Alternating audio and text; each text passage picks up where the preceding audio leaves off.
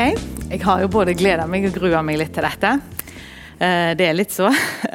Angra på at vi sier ja. Eh, men ja, denne teksten, som jeg sier da Vi har jo hatt temaet, Siv sa det litt, Jesus i møte med. Vi har hatt Jesus i møte eh, med familien. Og vi har hatt Jesus i møte med ulikheter, om Martha og Maria, hvordan Jesus møtte dem på ulike måter. Og vi har hatt Jesus i møte med fristelser. Og nå er det da Jesus i møte med halvhjertethet. Og teksten eh, den finner vi i Matteus 19, 16-22. Eh, og denne teksten er jo altså De tre evangeliene, Matteus, Markus, og Lukas og Johannes, alle de tre er jo på en måte eh, de samme fortellingene om igjen. Eh, eller det er tre, fire personer som forteller historien om Jesus på ulike måter. Eh, og denne situasjonen er gjenfortalt i tre eh, av evangeliene. Både i Matteus, og Markus og Lukas.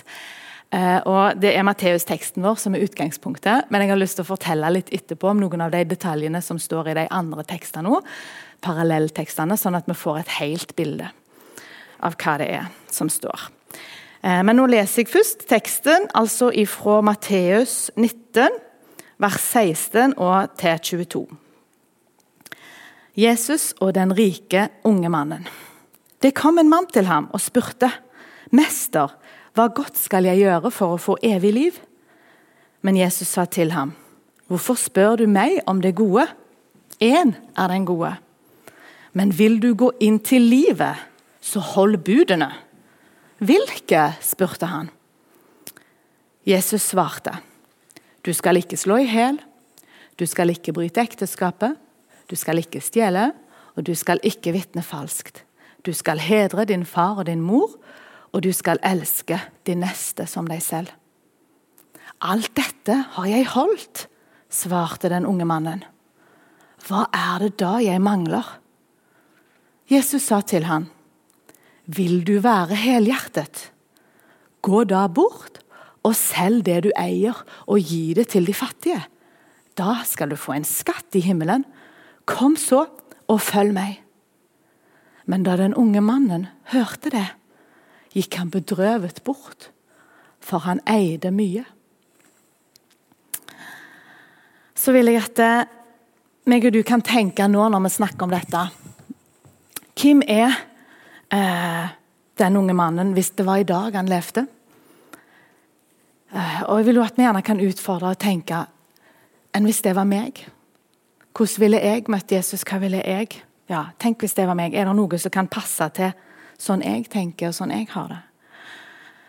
Um, I Markusteksten så står det at denne mannen kom springende til Jesus, og at han falt på kne foran ham. Og I Markusteksten er det Jesus som sier til ham at du mangler en ting. I motsetning til Matteus teksten som jeg leste nå, der spør han sjøl hva er det jeg mangler. Eh, jeg syns det er fint i Matteus-teksten at han liksom har forstått det sjøl, at det er noe han mangler. Og i Lukas 18 der står det at han var et medlem av rådet. Eh, og da tenker jeg Vi har igjen et litt mer detaljert bilde av hvem denne mannen var hvis han levde i dag. Gjerne var han en eh, aktiv kristen som sikkert hadde lest mye i Bibelen, levde som en kristen, kanskje var han medlem av forsamlingen. Det at han var medlem av rådet, det kan på en måte være at han var litt en, eh, en del av den religiøse ledelsen. Gjerne han satt i et styre og var veldig engasjert. Og så kom han til Jesus. Han henvender seg til Jesus med spørsmålet sitt og på en litt sånn dramatisk måte. Det kan jeg kjenne meg igjen i. Jeg kan ha en litt sånn personlighet at jeg kan være litt dramatisk. Eh, intenst, oppriktig egentlig. Ønsker veldig gjerne. Eh, og, og, liksom, ja Få svar. Og så kommer han til Jesus, og han kaller Jesus for gode mester. Eh, så han har noen tanker om at Jesus vet eh, har svar på, på, det han spør om, og at Jesus er en god mester. Eh, og han spør Jesus om han på en måte kan gi nøkkelen til evig liv. Så han har jo forstått at Jesus har den nøkkelen til evig liv. Eh, så han har på en måte oppdaga det. Og gjerne når Jesus sier tilbake til ham hvorfor spør du deg, hvorfor sier du at jeg er god, Det er bare Gud som er god. Kanskje han spør litt sånn Vet du at jeg er Guds sønn, egentlig? Eh, eller kanskje han sier Hvorfor kaller du meg for god hvis ikke du vet om jeg er det? Er det tomme ord? Og gjerne er det det han sier til meg òg, da, Synnøve? Når du ber til meg og sier 'Gode Gud, vet du at jeg er god?' Eller er det bare tomme ord? Eh, vi vet ikke hvorfor, men videre i den samtalen da, så kommer vi til eh, det om budene. Jesus gir han faktisk et konkret svar. For ofte når folk stilte spørsmål til Jesus, så svarte han med bilder og lignelser og litt sånn kryptisk. på en måte. Men i møte med denne mannen så svarer han veldig konkret. Eh, han sier faktisk at ja, du må gjøre sånn og sånn. og sånn. På en måte han, han gir han et veldig konkret eh, svar. Og jeg ser for meg at Det er fordi Jesus visste at denne mannen trenger det. Eh, han vet hva som kommer videre. Og så er det så fint i Markusteksten så er det en setning som er med her, som jeg syns er utrolig viktig uh, å få med. For det står at når, når, denne mannen da svarer liksom Ja, jeg har jo holdt alle budene. Hva er det da jeg mangler? Og så står det en setning at det, Jesus ser på han og fikk han kjær. står det. Og det syns jeg er så fint, for jeg tenker det hvis det er, hvis det er meg og du som står der med alt strevet vårt, så ser Jesus på oss. Og så kjenner han at han er glad i deg når han ser det. Eh, til tross for alt. Eh, for vi får ikke til å være gode nok i egen kraft. Og egentlig det som han sier etterpå, det er jo en ganske radikal beskjed han gir til denne mannen. Og Jesus gjør det sånn. Han ser på deg og meg og får oss kjær. Han ser tvers igjennom oss og får oss kjær. Og Han vet hva vi tenker, og han forstår meg bedre enn jeg forstår meg sjøl. Så tenker jeg Hadde du tørt å stille deg framfor Jesus på den måten? Og latt deg analysere på den måten? Denne mannen får her beskjed om å selge alt han eier, og gi det til de fattige. Tenk hvis det var beskjeden som jeg og du fikk. Det er ganske radikalt. Og vi ser faktisk noen historier i Bibelen der det skjer. Eh, der det faktisk skjedde en enorme forvandling i livene til folk. Eh, Sakkeus, f.eks. Han begynte jo å dele ut pengene sine når han hadde møtt Jesus. Og Det var ikke Jesus som sa at han måtte gjøre det. Eh, men denne mannen får altså direkte beskjed om det. Og jeg tror at Grunnen til det var fordi Jesus så at han stolte sånn på rikdommen sin og eiendelene sine. For det at Jesus gir den beskjeden, her, det er ikke liksom en oppskrift for oss alle. og ja, Da kan vi bare gå og selge alt vi eier, eh, og gi pengene til de fattige, og så er vi frelst. liksom. Det er ikke sånn det fungerer. Det handler om hjertet. Og ingen kan gjøre seg fortjent til frelsen. Men denne mannen han ser altså egentlig ganske kristen ut, tenker jeg da i, i våre øyne og ytre sett. Men han velger altså å gå bedrøvet bort når han møter denne radikale beskjeden fra Jesus. Og Det tror jeg vi må stoppe litt med. For denne teksten viser så godt at vi mennesker faktisk har fått makt her til å velge sjøl. Denne mannen må velge. Jesus velger ikke for han. Og jeg synes Det kan også være nyttig å legge merke til hva Jesus ikke gjør her. For Jesus springer ikke etter han og sier det er OK hvis du eh, bare vil eh, begynne med å gi 10% Eller hvis du, det, det, er jo så fint at du er med i det styret forresten, og det rådet, så, så det er greit, liksom. Prøv å være med litt til. Jesus gjør ikke det. Han lar han gå. Og det, det er ganske alvorlig å tenke på. Vi må velge sjøl. Og det at vi velger å være engasjert i kristent arbeid, det frelser ingen. Det frelser oss ikke. Og Vi vet ikke hva denne mannen tenker inni seg. Eh, det kan være mange ulike ting, og jeg har lyst til at dere skal være med og forestille dere i hvert fall to ulike måter som han gjerne tenkte på. Og så kan vi prøve å tenke jeg, tenker jeg sånn av og til. Stoler jeg av og til på Eller ja, tenker jeg på denne måten. Og Det ene, det første måten da, det er at han stoler på sin egen kraft. Og sin egen kapital. Og sine egne ressurser. Egen evne til å klare å leve et liv som ærer Gud. Han kan ha tenkt at det var jo et ganske urimelig krav, det som Jesus kom med. At han skulle selge alt han eide. Han kjente kanskje ingen andre som hadde gjort det. Hvorfor skulle han gjøre det? Eh, og så vil han heller stole på at han får leve et godt liv, og at Gud vil vise nåde når han dør, fordi han har jo levd så bra. Og Hvis dette var reaksjonen han hadde, at han var på en måte litt stolt inni seg, så hadde han gjerne ikke gått bedrøvet bort. jeg vet ikke. Men han har iallfall noe innsikt, siden han er bedrøvet når han går bort, tenker jeg. Men så tenker jeg da, syns du at du lever et godt nok kristenliv? Ikke verre enn andre, iallfall. Jeg kan ta meg sjøl i av og til tenke sånn. Sammenligne meg med andre folk. Og tenke at ja, ja, jeg er nå eh, ikke verre enn andre.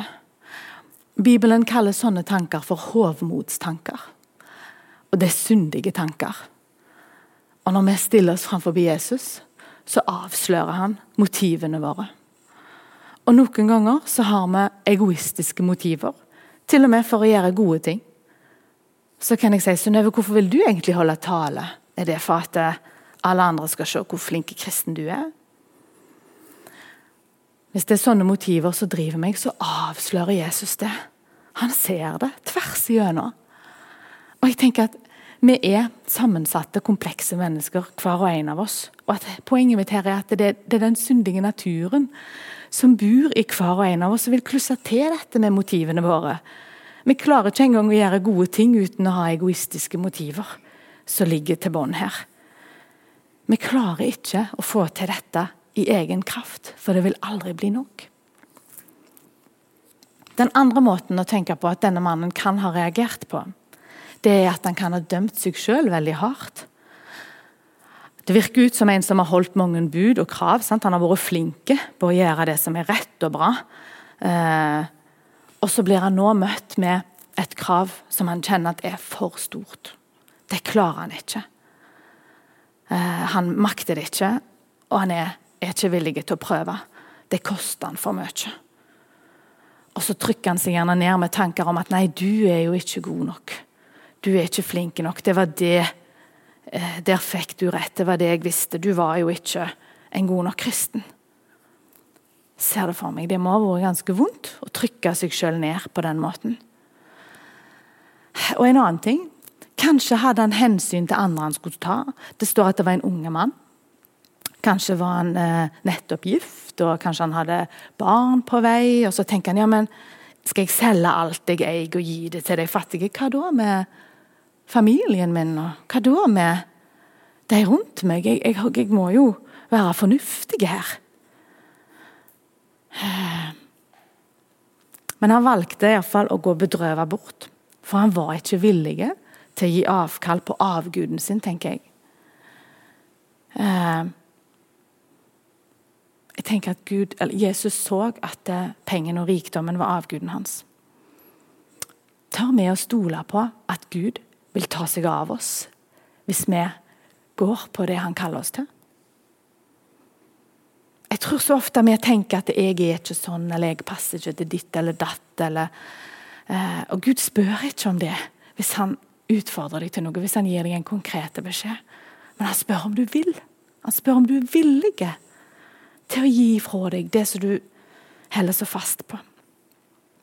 Og så sier Jesus en ting til denne mannen. Han sier at eh, du skal få komme inn i Guds rike. Eh, og Mannen han spør egentlig om å arve evig liv. Han spør ikke om kan jeg få komme inn i Guds rike. Og jeg tenker Det er litt sånn typisk for oss mennesker. Vi stiller liksom minimumsspørsmålet. Gud, hva er det minst mulig jeg må gjøre for å komme til himmelen når jeg dør? Eh, men det er på en måte feil spørsmål. Da har vi misforstått når vi spør Gud om det, eller hvis det er sånn vi tenker. Fordi Guds rike, det er nå. Og det fortsetter når vi dør. Men det har stor betydning for hvordan vi lever i Guds rike her og nå. Jesus vet at hvis vi gir avkall på våre egne ønsker og behov, og lar Han bestemme, så er det uendelig mye bedre for oss selv om det ikke alltid ser sånn ut ytre sett. For det kan innebære usikkerhet, ukomfortabelt, Eh, og det å gi fra seg selvbestemmelsen sitter ganske langt inne for de fleste av oss. Og han Mannen kan gjøre det som Jesus sier, og oppgi alt sitt eget, og dermed være helhjerta, sånn som Jesus sier. Dette er en måte å leve på, og det er et valg han må gjøre. Om igjen og om igjen, tenker jeg. Det er et løfte om at Jesus går med oss hver dag. I Matteus 6, 33, i bergprekenen, så sier Jesus eh, et kjent vers. Søk først Guds rike og hans rettferdighet, så skal dere få alt det andre i tillegg. Og Dette er et vers som handler om hvordan vi lever livet vårt nå. Det er ikke om at vi skal få komme til himmelen når vi dør. Det handler om nå. Tør vi å stole på dette? Eller vil vi søke Guds rike sånn på et minimum? Og Egentlig så betyr det ingenting hvordan det ser ut fra utsida, og hva de andre tror. Det som betyr noe, er hjertet vårt. Har vi gitt det til Jesus? Har du latt han avsløre motivene dine? Har du innsett at du trenger Jesus? Eller kan dette være bare som en teori for oss fordi vi har vokst opp med det? Hver og en av oss er nødt til å velge på samme måte som denne mannen. Og denne mannen han går bedrøvet bort fordi han ikke er villig til å ta sjansen på å stole på at Jesus visste bedre hvordan han burde forvalte pengene sine og livet sitt. Og det er av og til ubehagelig for oss å møte Jesus. For han kan peke på ting i livet vårt som ikke er som det skulle. Og det kan for oss uh, rett og slett være ubehagelig å få påpekt svakheter, synder, mangler. Og gjerne Jesus sier det samme til noen av oss som han sier til denne mannen. At du er altfor bonden av rikdommen din. Det er ikke bra for deg. Du bør bli fri i det. Eller gjerne han sier du er altfor avhengig av hva alle andre tenker og syns om deg. Det er ikke bra for deg. Du bør bli fri ifra det. Eller gjerne han sier det er ikke rett, den måten du forvalter tida di på. Jeg tenker at Tid er jo på en måte vår tids rikdom. Det å ha mye tid. Så sier Jesus slutt å bruke tida di på alt det tullet. Bruk tida di på meg heller. Kom og følg meg. Og det er ubehagelig å få disse beskjedene inn i livet vårt. Men det er i aller høyeste grad nødvendig. Og Jesus ser på meg og deg og har oss kjær. Og så gir han oss beskjed om hva vi trenger å endre på. Og Hvis du tør å be den bønnen til Jesus, at han må vise deg hva det er som gjelder i ditt liv, hva det er du mangler, så vil han svare.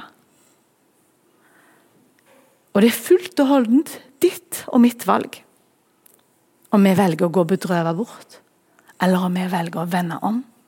Og Det er det Jesus ber oss om, å vende om og følge han. Og jeg tror at For min del så handler det mye om hvordan jeg forvalter den rikdommen som heter tid. Hvordan jeg bruker tida mi. Og Alle har vi fått tildelt 24 timer, og så bestemmer vi sjøl hvordan vi bruker de timene. Men jeg føler ofte at det, Og det bare ble sånn. Og at tida liksom jager foran meg. Eh, og at jeg liksom henger etter og halser etter, og så bare ble det sånn. Men det er faktisk en ansvarsfraskrivelse. For hver dag når Gud lar meg våkne til en ny dag, så har han gitt meg 24 nye timer, og så gir han meg et valg på hvordan jeg velger å forvalte dem. Det er mitt ansvar hvordan jeg bruker min tid. Og der må meg og du ta valg sjøl. Hva vi setter fremst, hva vi prioriterer å faktisk bruke tid på. Og Jesus så denne mannen, og han spør han, vil du være helhjertet. Jeg tenker at Det betyr at Jesus ser at han er halvhjertet. Og meg og du kan ikke avsløre hvem som er halvhjertet. Det er det bare Gud som kan. Og jeg tror ikke Jesus mener at alle vi er nødt til å selge alt vi eier for å være helhjertet. Men det handler om en holdning og en villighet til å gi Gud alt, og til å la Han bestemme. Og jeg tenker Både hovmodstanker, som den ene måten å tolke det på, og fordømmelsestanker, å trykke seg sjøl ned på den andre sida, begge de to er eksempler på halvhjertethet. Eh, fordi begge de to stoler på sin egen kraft. Eh, og det ser innover i seg sjøl for å finne en løsning. Men vi er nødt til å se ut, vi er nødt til å se på Jesus. Det er han som er løsningen. Og hvem er det som får bestemme i ditt liv?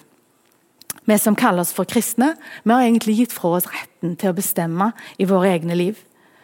Vi har gitt Jesus retten til å være konge i våre liv. Og så begynner vi liksom å tro at vi vet bedre sjøl. Og i alle fall når det koster oss noe. Men Jesus han er radikale. Han krever full overgivelse. I Johannes' åpenbaring står det noen eh, beskjeder som på en måte Jesus sender til de ulike menighetene. Og Der er det den ene beskjeden som går til den ene menigheten, som heter Laudikea. Det var at den menigheten var blitt lunken. Og så står det at Gud spyr de ut. Gud spyr av lunkenhet. Kirk Franklin han er en amerikansk eh, gospelartist som har skrevet en sang på den siste plata si. Jeg hører mye på han, liker veldig godt Kirk Franklin. Den sangen, eh, eller Plata heter 'Let Love Live'. Mange gode tekster på den. Anbefaler deg å sjekke den ut. Men det er en sang som heter 'Idols'. Eh, eller idoler og avguder, da, betyr det. på en måte. Her synger han sterkt og talende. Det er på en måte Gud som synger til meg eller til deg i den sangen. Så han, du er nødt til å velge hvem jeg skal være for deg. Enten så er jeg Gud overalt i livet ditt, eller så er jeg ikke Gud i det hele tatt for deg. I'm God of all or not God at all. I gave you my life, so now you decide. Who will I be? God of all or not God at all? Og Det er ikke sånn at det, denne talen eh, skal gi deg dårlig samvittighet for alt du ikke får til. At vi ber for lite eller leser for lite. Nei, dette er, Jeg sier dette for jeg har så lyst til at vi skal forstå at vi må bare gi opp sjøl. Og vi må la Jesus bestemme. Og det er det beste for oss. Eh, og så oppdaget jeg når jeg jobba med denne teksten, at det, i de andre oversettelsene så er ikke ordet halvhjertethet eller helhjertethet brukt. Det står ordet fullkommen. Og jeg tenker at det, det med å understreke poenget om at det kun er Gud som kan frelse oss. Det er kun Gud som kan gi oss del i Guds rike. Vi kan ikke gjøre en eneste ting i egen kraft. Vi må bare innrømme det. Vi må innse at vi kan ikke det. Eh, og det å innrømme at vi trenger hjelp, det er ikke alltid så behagelig, det. Jeg, jeg er ikke så god på det å være svak og trenge hjelp. Eh, men egentlig så burde jo vi kristne vært kjempegode på det. Øve oss masse på det i møte med Jesus. Eh, men det ligger så dypt i oss at vi så gjerne vil klare sjøl. Jeg ser for meg en liten unge som sier 'klarer sjøl'. Vi vil klare sjøl. Men det er altså umulig. Og når vi prøver, så vil forsøkene våre være halvhjerta. Fordi vi har en syndig natur og motiver som drar oss i alle retninger. Vi er tvers igjennom egoistiske. Og Når vi innrømmer det og gir det til Jesus, så vil han hjelpe oss. Og først da, når vi gir viljen vår til han og lever der vi på en måte lar han bestemme, da er vi helhjerta. På søndagsskolen hadde vi et tema om at Guds rike det er et opp-ned-rike. Eh, og Da er det ofte at ting er motsatt av sånn det ser ut som. Når du innrømmer at du har tapt, når du innrømmer at du ikke fikk det til, når du erkjenner at 'dette var ikke du best på', først da vinner du. Først da får du tilgang til Guds rike. Det er en sang som heter eller, ja, 'Den vanskeligste bønnen'. Å be med ærlig sinn er bønnen 'La din vilje skje'. Vi har et veldig fint bilde her på bedehuset som henger bak meg. Eh, veldig fint å få lov å komme her på bedehuset og se det bildet. Eh, og Her ser vi Jesus når han var menneske, og når han prøvde og sto i den kampen som han var i i Getsemanehagen. I Lukas 22, 42 står det Far, om du vil, så ta dette begeret fra meg. Men la ikke min vilje skje, men din. Jesus sier 'la meg slippe', egentlig. La meg slippe. Men skje din vilje, Gud. Han ga avkall på sin egen vilje, og så lot han Gud bestemme. Og det er faktisk det valget vi òg skal gjøre. Og så er kampen som Jesus hadde, var annerledes enn vår kamp. For han levde faktisk et syndfritt liv og kjøpte oss fri, sånn som vi fikk så fint høre i teksten som Katrine leste òg. Eh, at her er det Jesus betalte prisen for oss, sånn at vi fikk lov å komme fri. Men vi får det samme spørsmålet om vi er villige til å la Gud bestemme i våre liv. Og så er vår kamp gjerne ikke den samme da, om å gi avkall på f.eks. rikdom eller luksus. Det er jo ikke det samme som det Jesus måtte gi avkall på her. Men vi trenger å be den samme bønnen. La din vilje skje, Gud, ikke min. Og jeg opplever at jeg må gjøre det hver dag. Det som heter daglig omvendelse. Jeg tenker at jeg er som et, et instrument som trenger å kalibreres. For hver dag når jeg er i bruk, så blir jeg litt feiljustert så må jeg til Jesus og la han avsløre meg og kalibrere meg og fininnstille meg, sånn at jeg kan være klar til neste dags bruk igjen. Da virker jeg mer etter hensikten eh, til han som har skapt meg, sånn som han hadde tenkt. Jeg må legge av min egen vilje på ny og på ny. For neste dag så tror jeg om igjen at jeg klarer jo bedre sjøl. Jeg vet jo egentlig best sjøl. Og så må jeg komme om igjen og om igjen og kalibreres.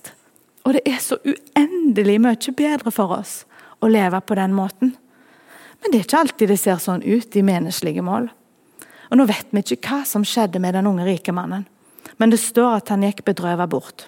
Kanskje fortsatte han å være et medlem av rådet, den religiøse eliten, og at kanskje han fortsatte å ha rikdommen sin og seifa Eh, kanskje levde han et langt og godt liv og tok vare på familien sin og døde mett av dage. Men han tapte. Han tapte tilgangen på Guds rike. Både på jorda og i evigheten. Og for et tap! Ytre sett kan det se ut som han gjorde et fornuftig valg. At han levde et tålelig godt liv.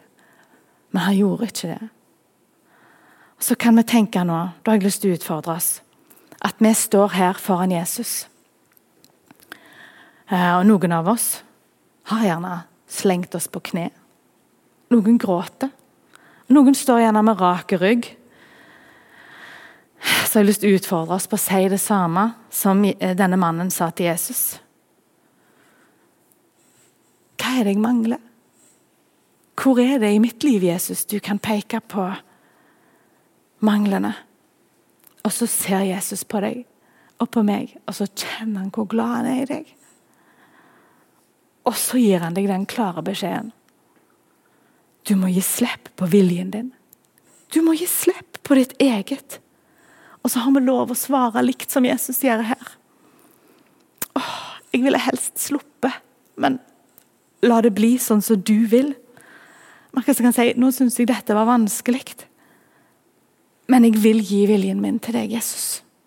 Da kan jeg være helhjertet og leve i ditt rike, her og i evigheten. Og jeg kan leve etter din vilje og i tjeneste for deg. Vi ber. Kjære Jesus, her står vi, og du ser oss. Og Herre, vi ber deg om å avsløre oss og vise hva vi mangler. Herre, jeg vil gi livet mitt til deg nå. Jeg vil gi viljen min til deg, og jeg vil la du bestemme i livet mitt, Herre. Og Herre, jeg får det ikke til i egen kraft. Jeg trenger hjelp. Jeg trenger hjelp til å leve som en helhjerta kristen. Kan du hjelpe meg med det, Jesus?